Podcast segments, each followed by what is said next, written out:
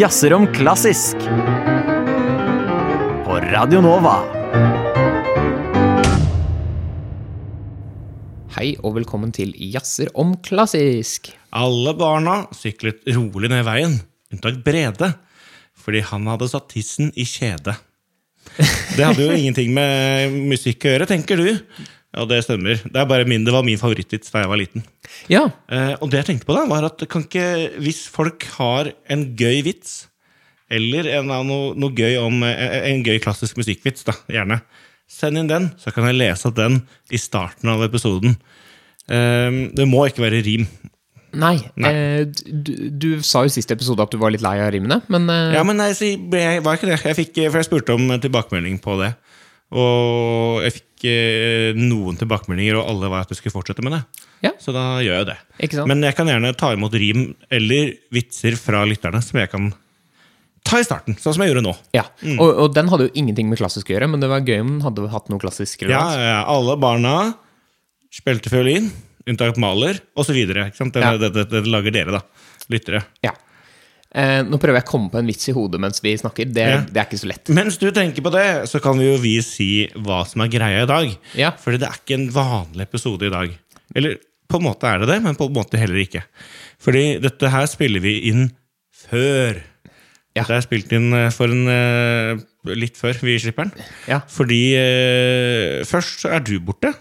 Ja, jeg er, eh, jeg er eh, på, håper på, på vinterferie. Det er jeg Ja. ikke. Jeg jobber på eh, kurs. Du jobber på kurs i vinterferien, og etter det så er jeg på turné til Nederland og Belgia.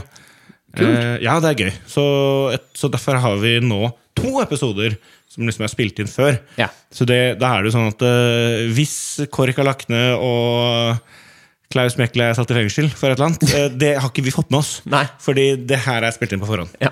Eh, eh, Når vi snakker, holdt jeg på å si, as we speak, så er det fredag. Nå er det fredag, og ja, så Vi har, vært, vi har vært i Valhall og sett på at Vålerenga har tapt. Ja, Som, som Vålerenga pleier å tape. vi er jo vant til det. Vant til det.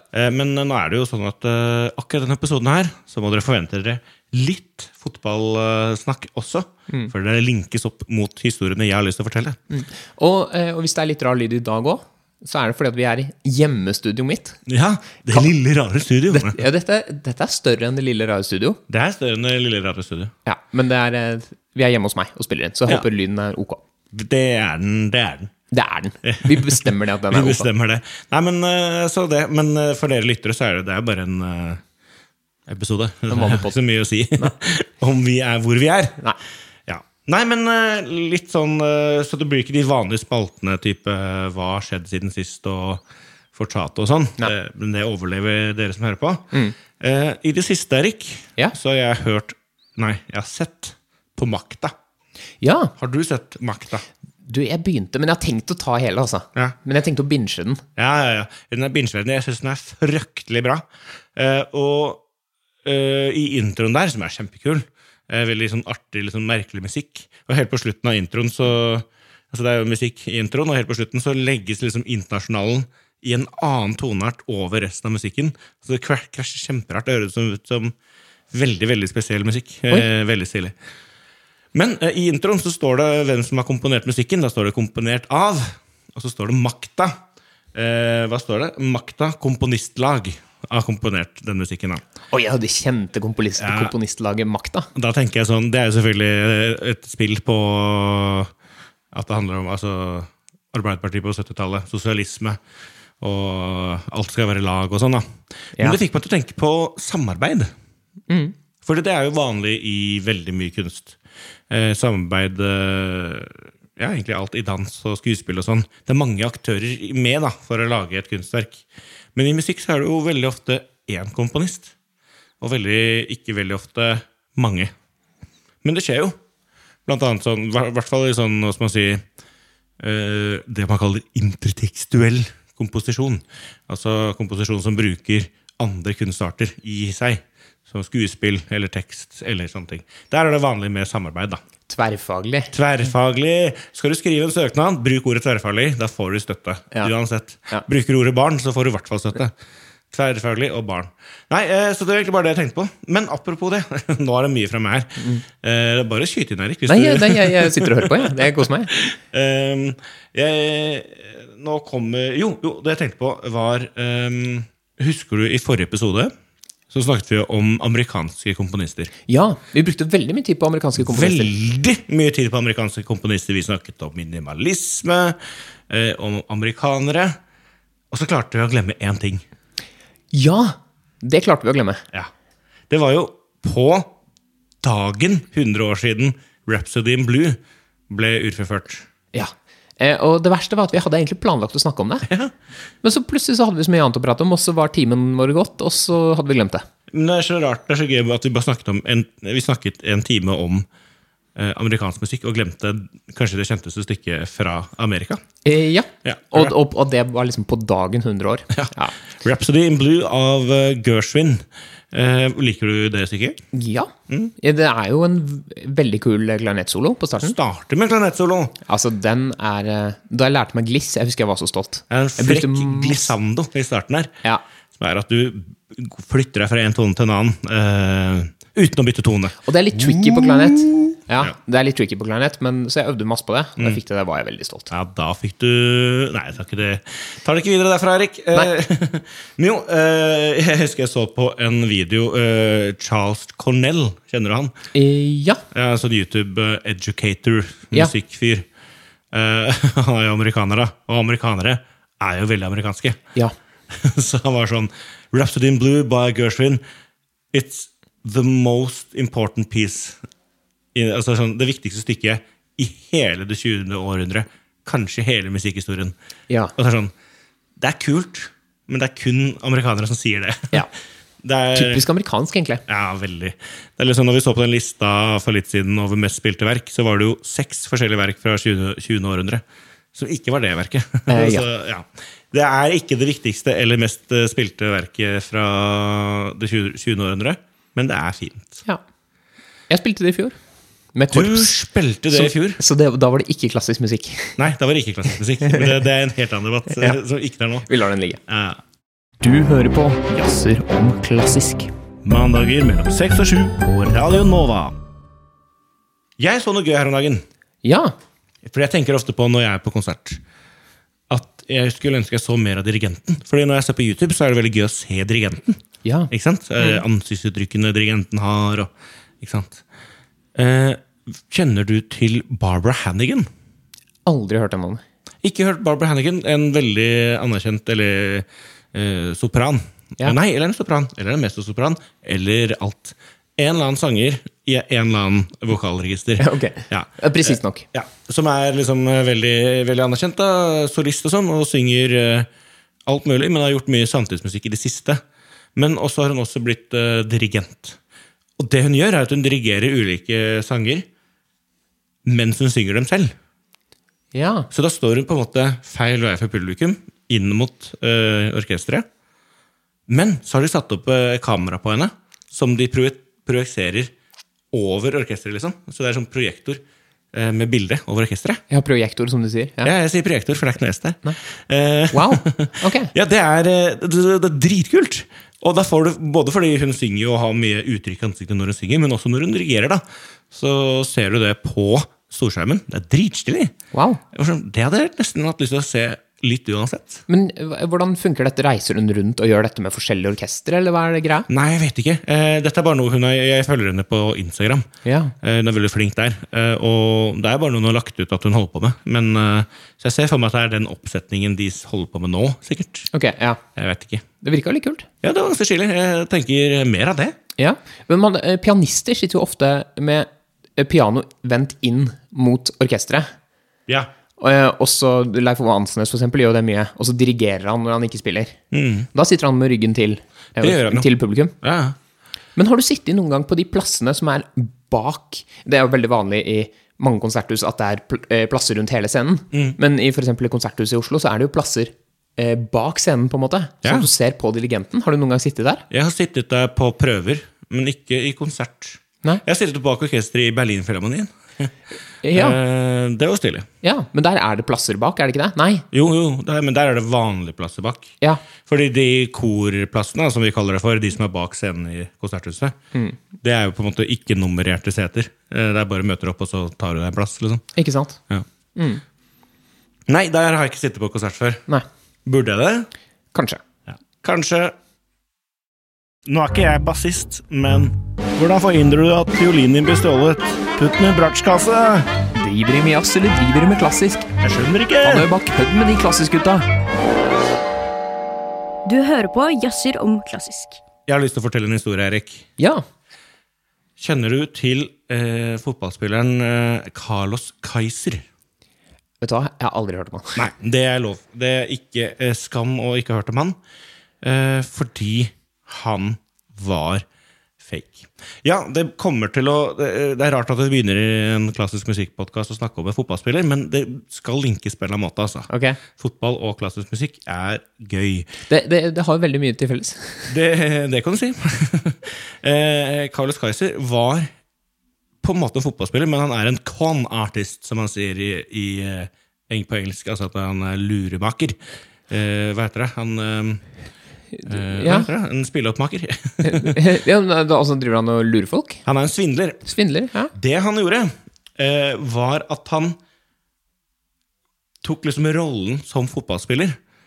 Eh, og tjente masse penger som fotballspiller uten å spille en eneste kamp og uten å nesten være med på trening. Fordi hver gang han ble kjøpt til en klubb eh, Han var fra en kar fra Brasil eh, og spilte fotball i hermetegn på 80-tallet. Og hver gang han ble kjøpt i klubb, så ble han skada. Han ble jo ikke det, men han lata som han var skada. Tjente masse penger. Og når etter hvert den klubben skjønte at dette er jo ikke en fotballspiller, det er bare en som lurer oss, så ble han da solgt til en ny klubb. ja, for de vil jo ikke si at dette er fake, de vil jo prøve å få penger fra han. Ja, ja, ja. Eh, Så han lurte på en måte systemet der, da. Og wow. det han gjorde da, var at han alltid Han hadde en agent som var sånn Ja, du, jeg hører Barcelona er interessert. Og da ble de mindre mm, Altså det er brasilianske klubber da som kjøper han sånn Å, han er god nok for Barcelona. Da må jo vi ha han. ikke sant? Wow. Så han holdt på med dette her fra 1979 til 1992. Uten å bli liksom tatt for det. Er det mulig? Ja, helt, helt sykt. Um, og nå er jeg på Wikipedia. Jeg kan vise deg det nå. Så ser du liksom antall kamper spilt, antall mål. Han har en 15 år lang karriere, eller 20 år lang karriere, uten kamper, men har tjent penger hele veien. Så han er, han er liksom en sånn legende da på å svindle. Wow. Eh, og gjøre mye for å ikke gjøre noe. på en Ja. måte. Eh, grunnen til at han heter Carlos Kaiser Han heter egentlig ikke det, men Kaiser, han lign, altså Folk syns han lignet på uh, fotballspilleren Beckenbauer, som du sikkert kjenner. eh, Ja. En av tidenes eh, kjenteste fotballspillere. Kjenteste? Eh, mest kjente. Ja. Hei! mest kjente eh, fotballspillere. Eh, som ble kalt Der Kaiser, keiseren. Ja. Og siden Carlos Kaiser lignet på Beckenbauer, så kalte de han for eh, eh, eh, Carlos Kaiser. Ja. Men ja, så han het egentlig ikke det, men han Nei, det. han het noe annet. Men da tenkte jeg å dra linken over til en som heter eh, Carlos Kleiber. Ja. Eh, veldig likt navn, men en rak motsetning. Husker du da vi snakket om de mest aktive dirigentene i 2023?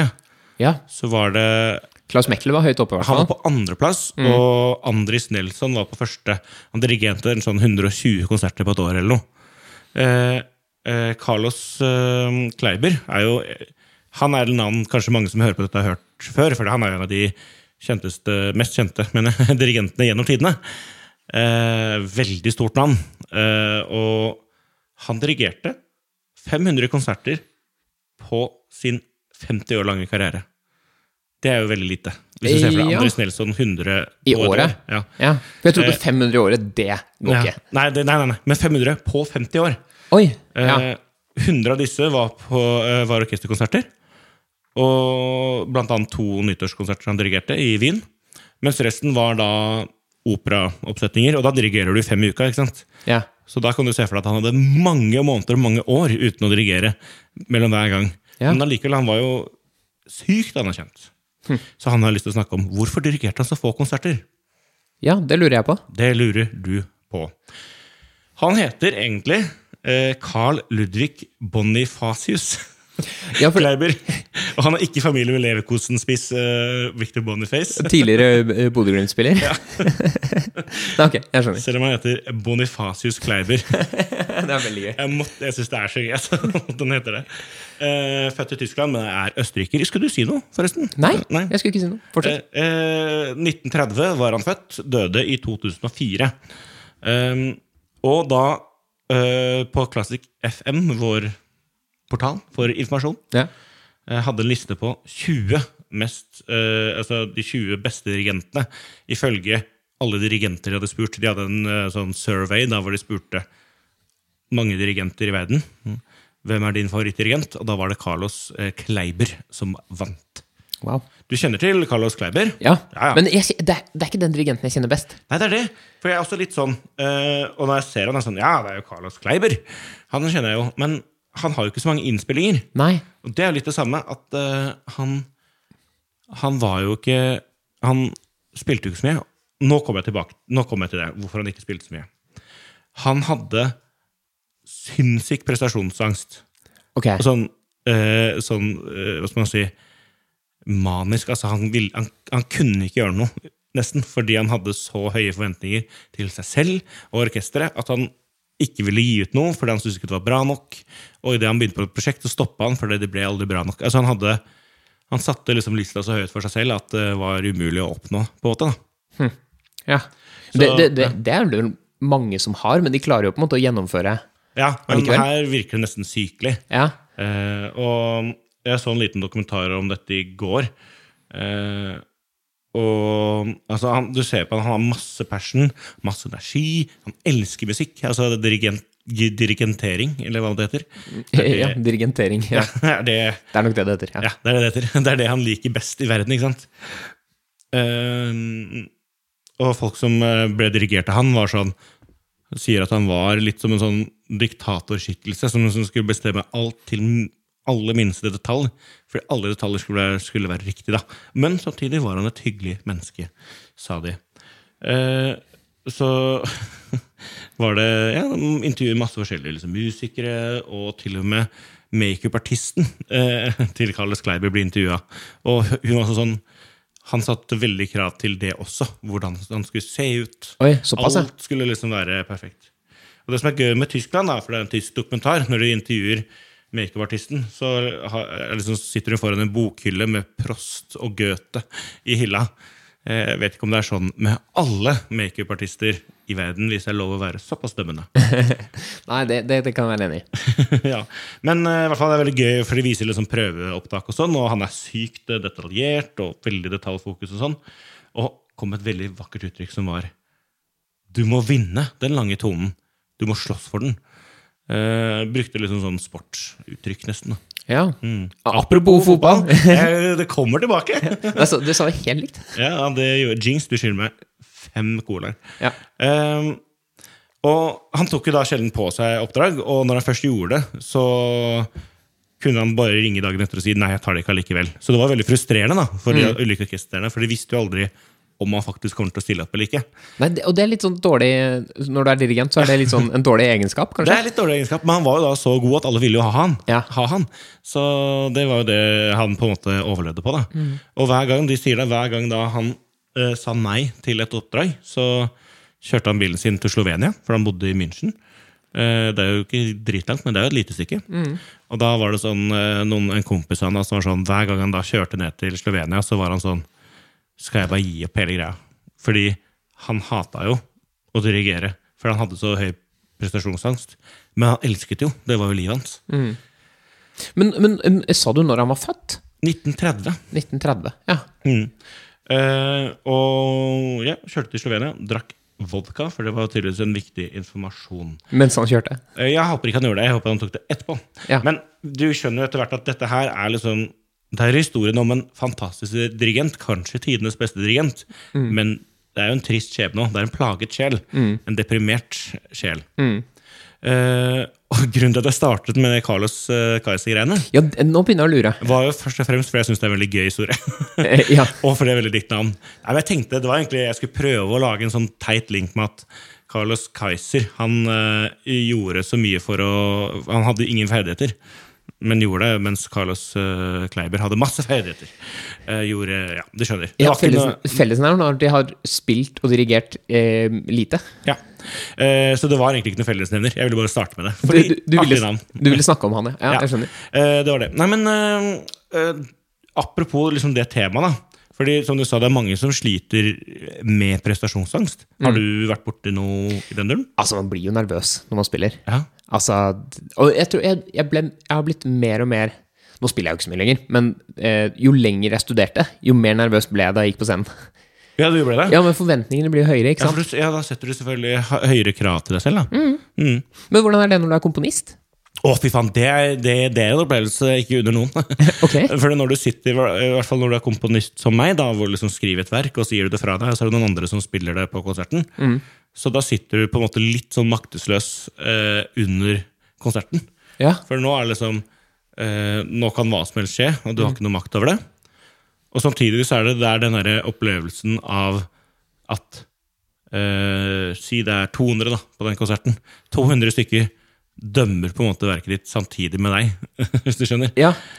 Og det er, det er så stille, og det, det, er faktisk, da er jeg så nervøs. ja. Men jeg ville tenkt at det var litt deilig å slippe å, liksom, å gjøre noe. At Ja. du bare, du, din jobb er gjort. Nei, men samtidig, eh, sist konsert så var jeg jo på scenen selv og sang litt og snakket litt. Det var nesten deiligere. Ja. For da hadde jeg et arbeidsoppgave. Ja. Jeg skulle gjøre noe. Men eh, eh, når du sitter i publikum der, så er det bare ja, det, er, det er nervøst, ass. Kanskje det blir din signatur som komponist? At du alltid er med på scenen? Ja, og synger. Eh, Hver ja. gang. Ja. Eller nynner, som du gjorde. Jeg nynnet litt òg. Og snakket. Ja.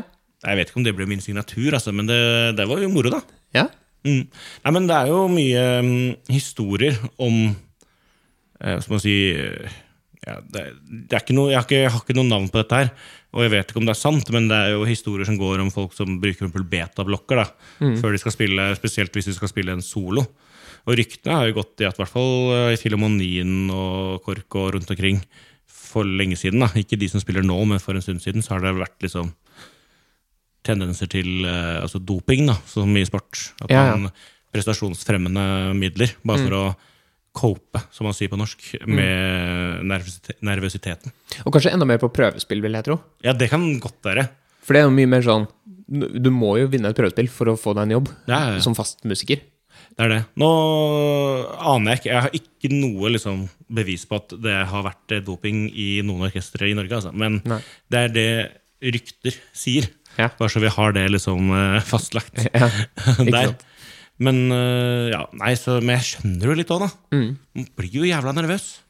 Men hva blir man nervøs for, er det jeg lurer på. Oi, eh, er det diskusjonen, da?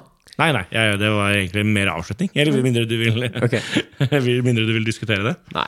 Skal vi ta en jingle, da? Ja.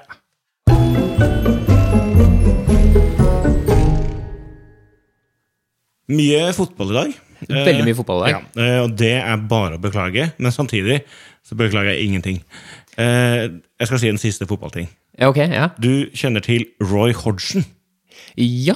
Spilte han på Liverpool?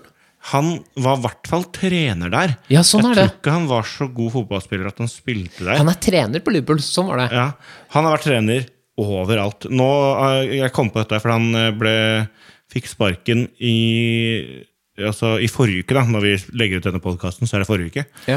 Um, jeg fikk han sparken uh, fra Crystal Palace. Men han har liksom trent Liverpool og alle klubber i England. liksom. Det som er gøy, er at han starta karrieren sin eh, i eh, Sverige, og har også trent Viking. eh, som er veldig rart. ja, det har jeg hørt før. Så rart. Veldig spesielt at han har vært i Viking. Eh, og det var etter han var trener for De forente arabiske emirater. Så han har en veldig, veldig spesiell eh, karriere. Ja. Men før dette her eh, så skulle han ta, ble han tilbudt eh, en seks kampers trenersjobb i eh, AC Milan i Italia. Ja. I Milano. Eh, jeg veit ikke om han tok den, men eh, poenget var at eh, han sa jeg trenger ikke lønn for dette her. Jeg skulle bare få gratisbilletter til La Scala i Milan, Milano. Ja. eh, Som er operaen i Milano. Ok. Det er jo ikke holdt på å si store betalingen sånn Nei, det er pengemessig. det. I forhold til hva en fotballtrener ofte tjener, så er ikke eh, noen operabilletter eh, så mye. Nei. Eh, men det er hyggelig da, at eh, Roy Hodgson er en operafantast. Ja, men det er veldig gøy. Ja, så det finnes mange linker mellom fotball og klassisk. Ja, ja, ja. Men apropos sport, Erik. Ja, Vi er jo veldig interessert i sjakk. Ja. Eller ja, veldig interessert. Altså, vi er interessert nok Ja, i sjakk. Vi syns ikke klassisk musikk var nerd nok. Nei. Derfor ble vi også interessert i sjakk. Ja, da, da begynner vi å nærme oss noe. Ja. Vet du hvordan, Husker du hvordan, hvordan vi starta uh, med denne sjakkinteressen? Det Eh, har vi kanskje snak snakket om før. altså, jeg, jo, jeg tror jeg snakket litt om det. Jeg spilte jo litt sjakk som barn, Ja. men var kjempedårlig. Jeg var på sånne sjakkturneringer. Du vet, sånn når du er på fotballturnering og får sånne små pokaler. Ja. Sånn fikk jeg bare i sjakk. Gjorde du det? Ja, sånn alle Det er får. helt nytt for meg. Nei, jeg gjorde det, eh, og Jo, det spilte kjempedårlig. Og så møtte jeg eh, en eh, det jeg tappte jo, det var sånn, Hvis jeg ikke slo dem med skolematen, så, så klarte jeg ikke å slå. Eller det var bare Man bare gjorde random trekk, basically. Ja. Eh, eh, og så møtte jeg Jeg husker jeg møtte en, en som het Agdestein. Ikke, altså en, en sønn eller et eller annet i slekt ja, ikke Simen. Nei, ikke Simen, men en, en sønn eller et eller annet. da Og jeg, ble- knust. Ja. men eh, jeg, jeg slutta ganske raskt med det, fordi at jeg prioriterte korps. Ja. Eh, eh, men vi spilte jo på videregående. Ja. Da Magnus Carlsen ble verdensmester i 2013. ja, for da ble liksom hypen, og da begynte jeg å spille chess.com, og da satt vi i, i spansktimen og bare spilte sjakk, basically. Ja. Så jeg ble ikke så god i spansk. Eh, det som er gøy når du spiller med noobs, da, eller sånn som du var som barn, er når du, du flytter eh, Jeg flytter hesten dit, og så hører jeg ofte det du sier sånn Men hvorfor gjør du det? Der truer den ingenting. For de tenker at alle trekk skal være truende for noe, Ja, ja, og sånn, ikke en sånn framtidsplan. Ja. Nok om det. Eh, hvorfor vil du snakke om sjakk? Jo, fordi at eh, eh, Det er jo det er kanskje ganske kjent, da, men det er en komponist som heter Sergej Prokofjev, som var veldig god i sjakk. Sergej Prokofjev var god i sjakk. Ja, Han var jo god til å komponere, det vet du jo. Det vet vi. Mange er uenig i det. Nei, nei, ingen Hæ? Er det ingen- er det noen som er Jeg- uenig? Jeg bare tuller. Jeg føler han er en komponist Ingen hater. Ja, det er på en måte Han bare er en komponist. Ja. Som har skrevet musikk. Ja, Ja. Jeg, jeg syns han skriver ganske kul musikk, og han har jo også vært enig. graven til. vet du Ja, faen, den graven du, ass. Men det er ikke, jeg så kanskje sånn fire graver, men det var liksom Prokofjev og Sjostakovitsj. Og da, hver gang de nevnes, som er ganske ofte, så kan jeg dra opp denne historien. Eh, men i hvert fall, han eh, var jo så interessert i sjakk at han kjente et par tidligere verdensmestere, eller tidligere daværende verdensmestere. Ja. Eh, blant annet eh, kanskje en av de aller største, eh, eh, Capablanca. ja. Når du starta med her, så trodde du du skulle si Kasparov. Eh. Han er jeg vel litt for ung til eh, Ja, det, ja. Ja. Eh, ja, det, det, eh, Ja. mm, men Han- Capablanca. Capablanca. Eh, eh, og han, det som er med han, er at Prokofjev har slått Capablanca i sjakk. Ja, men da er du sikkert ganske god. Ja, det er som at eh, Sett inn en norsk komponist nå. Eh, jeg kom ikke på noen.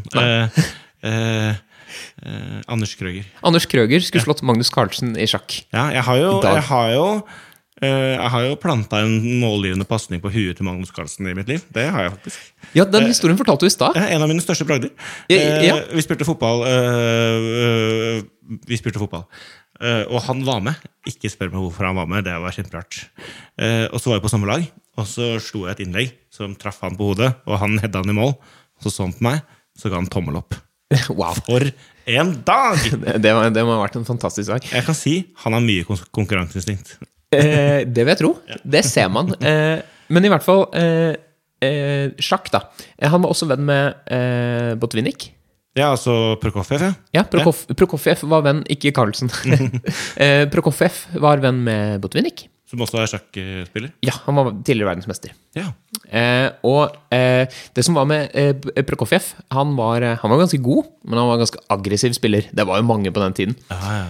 Ehm, eh, og eh, Botvinnik sa om Prokofjev He obviously did not care for defense tactics. Det er gøy. Han ga blaffen i forsvar og gikk til angrep. Og han har også et parti mot Ravel. Maurice Ravel, komponisten. Ja, og Det er jo ikke så spesielt at to, to mennesker har spilt sjakk mot hverandre, men ja. partiet ligger ute. Gjør du det? Så du kan se um... Ja, ja, kan gå gjennom partiet. Eh, Ja. Prokofjev eh, slo Ravel ganske greit. Han ofra masse brikker og satt Ravel sjakkmatt. Jaså. Brukte han eh, russisk åpning? Og, og eh, Ravel startet med fransk? Eh, det hadde vært veldig gøy. Ja. Jeg tror ikke det var Jeg tror de starta med D4, så det er ikke så lett. Nei, Nå blir det veldig sjakk, sjakkpodden. Sjakkpodden med Eirik Anders. Eh, jeg syns fortsatt det er gøy at det heter fransk åpning. Eh, jeg kommer ikke Men det heter jo ikke det. Gjør det ikke det? Det heter jo fransk forsvar. Faen! ja. Ok, Da syns jeg ikke det er gøy. Nei. Det hadde vært så gøy om det het fransk åpning. ja. Jo, men eh, det var jo sånn eh, i, på i Sovjet da, på den tiden. Det var nesten en del av liksom, propagandamaskinen. At eh, de skulle være best i sjakk, altså ha, som de sa selv, de skulle være de smarteste. Eh, de skulle ha den beste musikken, som de da fronta med Prokofjev og Sjostakovitsj. Og så skulle de ha de beste ballerinaene, for de skulle også være de peneste. Så det var liksom eh, ballerina, eller dans, ballett, da, fortrinnsvis, eh, klassisk musikk, og sjakk, det var liksom det de satset på. Så det var jo veldig sånn statsfinansiert eh, på veldig høy grad, da. Når det kommer til uh, både musikken til Prokofjev, men også sjakkspillinga. Ja. Jeg, jeg ser bare forresten, han har møtt én verdensmester til. Eh, Lasker. Ja. Han nevnte jeg ikke. Nei, ikke. Men da ble det tap. Den eneste verdensmesteren han har slått, er Capablanca, sånn jeg kan se på lista over sjakkpartier. Tenk å bare slått én verdensmester. Men han har møtt tre verdensmestere, og det høres Ok, tre verdensmestere, men det har jo ikke vært så mange i sjakk. Nei. Nå husker jeg ikke det tallet i hodet, men det har vært sånn kanskje 16-17 Ja, jeg tenkte det er ikke mer enn det. Altså. Nei, så det, det er liksom å ha møtt uh, Prokofjev, han har møtt tre av dem, og slått én av dem. Mm. Det er, jeg har også møtt en verdensmester i sjakk. Det var da jeg hadde den Magnus Carlsen-appen, hvor du kunne spille mot Ja. Magnus Carlsen seks år. Ja. Og da slo jeg Magnus Carlsen seks år. Wow. Helt til han ble sånn ni. Da tapte jeg. Ja. Eller jeg husker, ikke, jeg husker ikke hvor gammel han ble. Vi, vi, vi fortsetter å snakke om sjakk. Det, eh. Skal vi ta det i en annen podkast? vi tar det i en annen podkast. Det ble jo, ble jo en annerledes episode, Det gjorde det. men eh, det ble en episode. Ja. Neste uke så blir det en, også en annen episode, for da er jeg fortsatt på turné. Og da blir det en Grieg spesial. Så det er bare å glede seg til den. Ja, det, det var jo eh, Det sier vi litt mer om neste uke, sikkert. Men eh, det er jo en, eh, en podkast du hadde. Ja, det er eh, opptak som er tatt for en god del år siden, som vi nå endelig gir ut Ja. under Jazzer om klassisk. For det ble aldri gitt ut i opptakene. Nei, det ble ikke det. Eh, og det er jo en litt annen stil. Det er jo litt mer Du, du snakker eh, litt ordentlig, holdt på å si. Vi snakker Ja. ordentlig, men du, det er litt seriøst snakk Ja, om Ja, det er mer eh, Hva skal man si Ja, altså, det er ikke jazzing. Det er det ikke. Nei, nei. Det er mer eh, kunnskapsbasert. Ja, kan så vi vi si. håper at denne episoden blir eh, spennende. Det blir helt sikkert. Eh, takk for at dere har hørt på denne litt eh, rare episoden. Takk for at dere henger med. Vi har så mange eh, engasjerte lyttere, og det liker vi. Og vi kommer snart tilbake med vanlige episoder. Og da har jeg også lyst til å få med noe Jeg, jeg, skal, jeg skal legge ut noe på Instagram etter hvert. Ja. Eh, jeg savner innspill fra dere om noen ting. Jeg syns det var så gøy da vi hadde overvurderte og undervurderte komponister. og alt det greiene der. Ja. Så jeg har lyst til å få til noe sånt igjen. ja. Det hadde vært gøy. Det hadde vært gøy. Yes, skal vi si takk for i dag, da? Ha det! Ha det.